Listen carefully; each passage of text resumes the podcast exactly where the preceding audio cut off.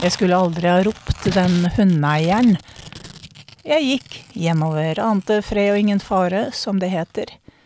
Jeg hadde kontroll på min verden, trodde jeg. Jeg vandret med lange skritt opp en slak bakke. Til høyre er det en bratt skråning. Der løp en hund etter fugler som hadde reder å passe på, aggresjonen steg i meg, jeg ropte ut, du, du må holde hunden i bånd, det er båndtvang nå. Da hørte jeg bak meg en mannsstemme rope, du jævla feite gris, du forbannede hore. Jeg snudde meg, og der sto det en skabbete mann og skrek mot meg. Fy faen, du er det styggeste jeg har sett, du din gris. Den fremmede mannen oppførte seg som et levende kommentarfelt.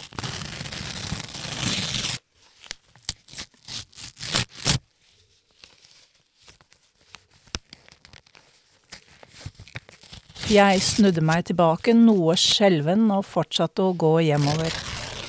Mannen var tydelig syk, ikke fordi han hadde kalt meg en feit gris og lignende, men fordi han brøt en sosial norm gjennom å skrike til en fremmed på en åpen gate. Jeg reflekterte over hendelsen, og det gikk opp for meg at jeg ikke lenger var ung og lovende. Repertoaret som jeg forteller, representerer egentlig ikke lenger meg, for jeg, i et folkeeventyr, er jo en eller annen kjerring som sitter i en eller annen skog med nesa i aska og venter på en ung og lovende som kommer tuslende forbi og ønsker et godt råd.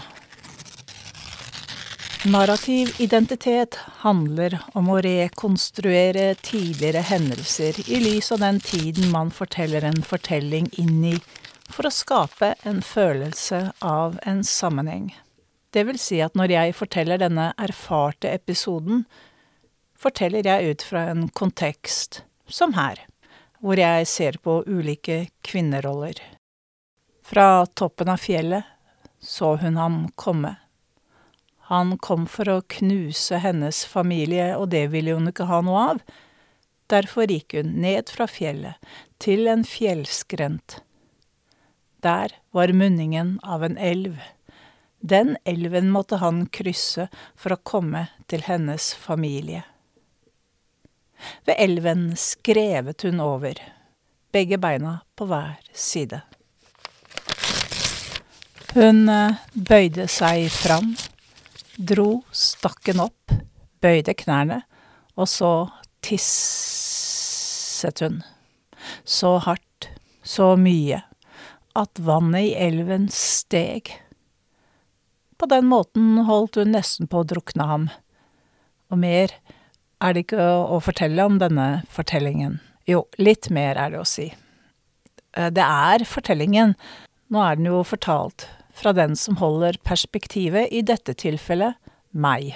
Kilden til versjonen er fortalt fra et annet perspektiv, nemlig de som holdt med guden Thor. Det var guden Thor som befant seg i elven og holdt på å drukne.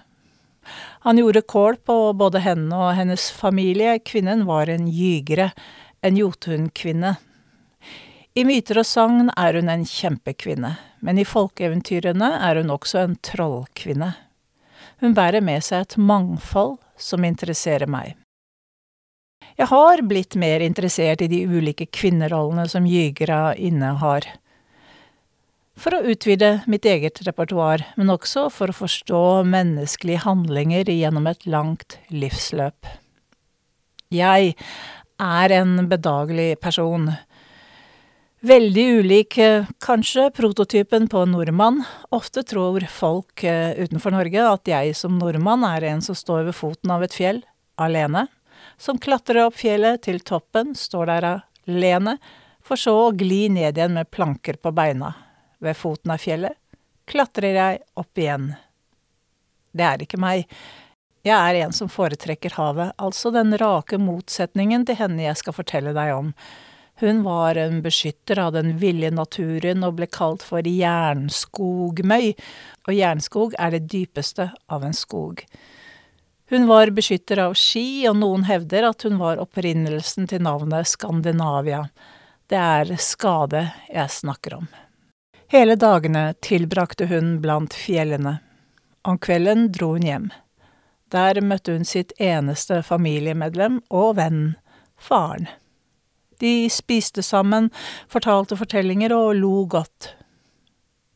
En dag, da hun kom hjem, så var ikke faren der. Han var der heller ikke morgenen etter. Skade bestemte seg for å lete etter han.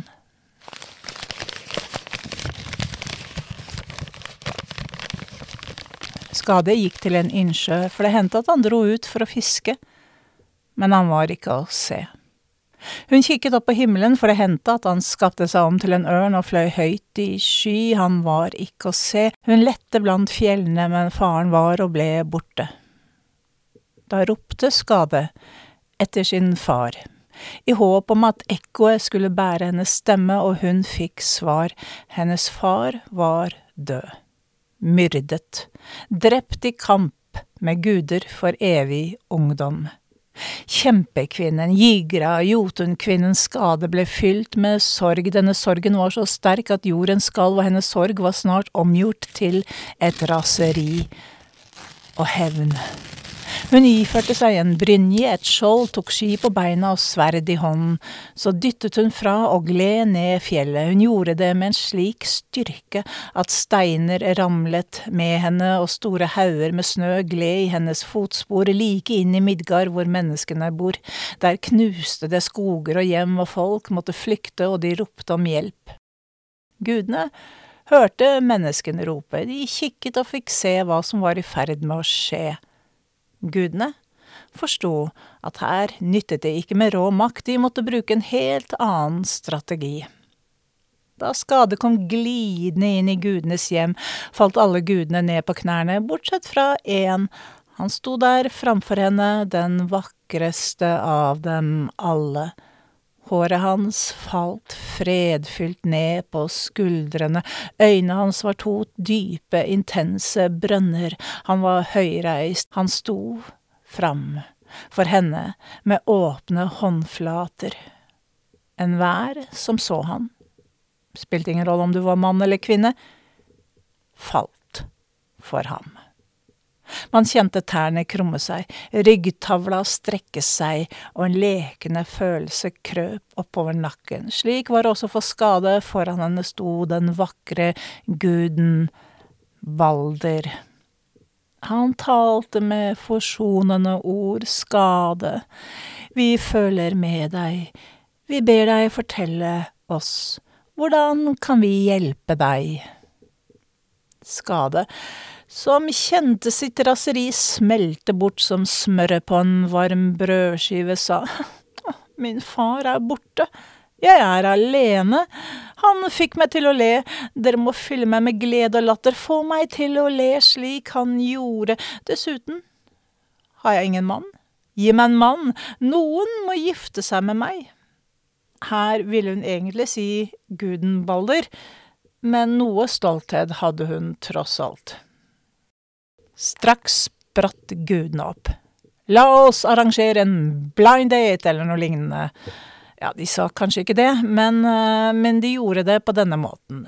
Eh, de gudene som var ledige, de stilte seg, en, eh, stilte seg på en rekke. Og framfor dem ble det hengt opp et forheng, og så skulle Skade velge en mann basert på føttene. Ja, for føttene forteller jo så mye om personlighet. Mm. Skade kikket. Hun skulle Åh! Disse gudene kjente jo verken til pedikyr, manikyr. Føttene var illeluktende og skitne. Et par var så ille dekket av sopp at en hel skog hadde vokst fram med ville dyr, og nå var det jaktsesong der. Men blant føttene fikk hun se et par som var helt rene. De var sterke, de var store, de var lange, hadde solbrun hud hvor blodårene syntes igjennom neglene, var pent klippet.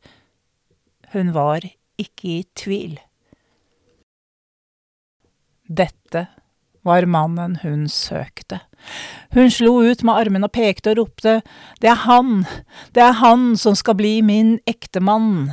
Forhenget ble trukket til side, og der sto han, hennes utvalgte, guden Njord. Selvfølgelig var det han som hadde de reneste føttene, de vakreste føttene, for han var jo fiskernes beskytter, og hver dag så var han ute og vasset i saltvann. Skade brummet, og jorden tok til å skjelve. Gudene begynte straks å fortelle vitser for å få Skade til å le. En av dem sa, Hvilken musiker er det Thor med hammeren foretrekker? Hm, hm, hm, MC Hammer. Skade lo ikke. Hun syntes vitsene deres var barnslige. Blant gudene gikk det en geit. Gudene tok et tau, bandt det fast i geitas skjegg, så da geita gikk, ble den hengende fast i skjegget og tok til å breke. Skade lo ikke. Hun sa, det er ingen humor i å la dyr lide.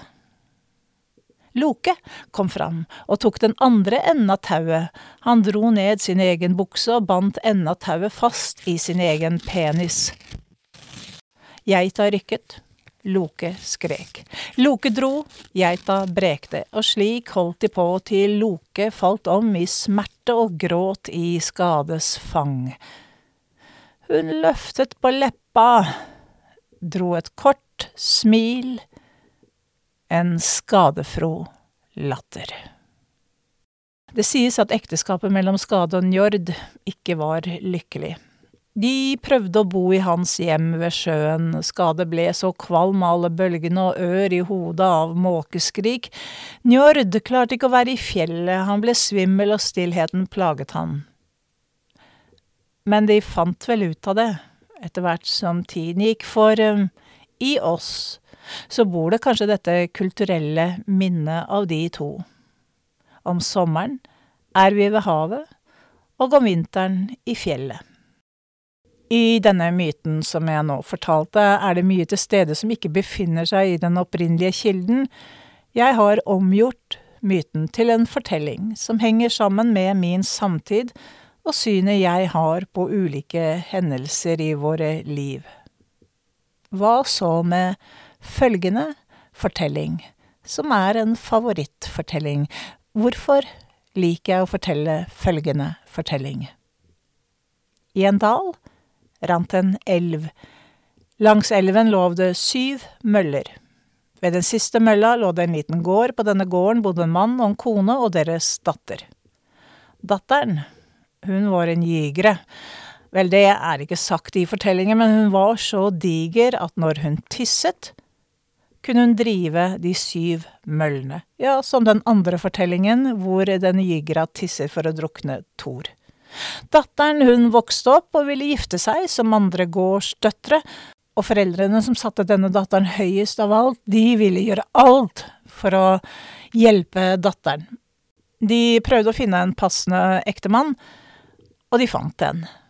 Han var mer enn villig til å gifte seg med datteren, og de avtalte tidspunkt for når bryllupet skulle stå. På avtalt dag gjorde brudgommen seg i stand, han pyntet seg, la av gårde, og etter å ha gått et godt stykke opp i dalheimen kom han til denne dalen og gården som lå ved elven. Og da han kom fram, var både gjester og prest på plass. Ekteparet på gården. Jeg vet ikke om de var litt rare, eller Nei, jeg vet ikke. Uansett så hadde de vært så opptatt av datteren at de hadde glemt både det ene og det andre.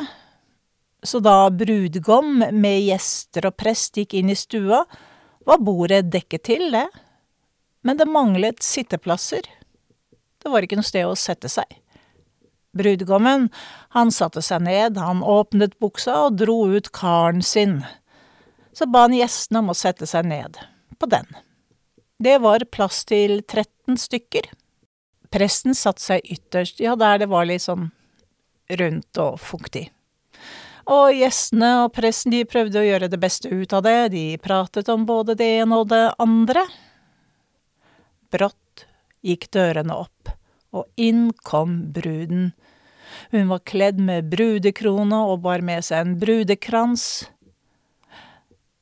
Det var det at hun var stor, da. Og hun var også stor nedentil, så stor at det måtte fire karer til å bære fitta hennes i et trau. Og brudgommen hadde jo ennå ikke sett sin brud, og når han fikk se henne for første gang, ble han helt ør i hodet. Alt blodet strømmet ned til der nede, og den for opp i taket. Presten slo hodet i taket og brakk nakken, noen gjester falt ned og slo seg i hjel, andre klarte seg, men alle fikk varige men. Så ble det gravøl istedenfor eh, bryllup den dagen. Det absurde, vulgære, burleske gjør noe med meg, kanskje oss. Det bringer inn et nytt perspektiv, et nytt perspektiv på livet, og det er, syns jeg, frigjørende.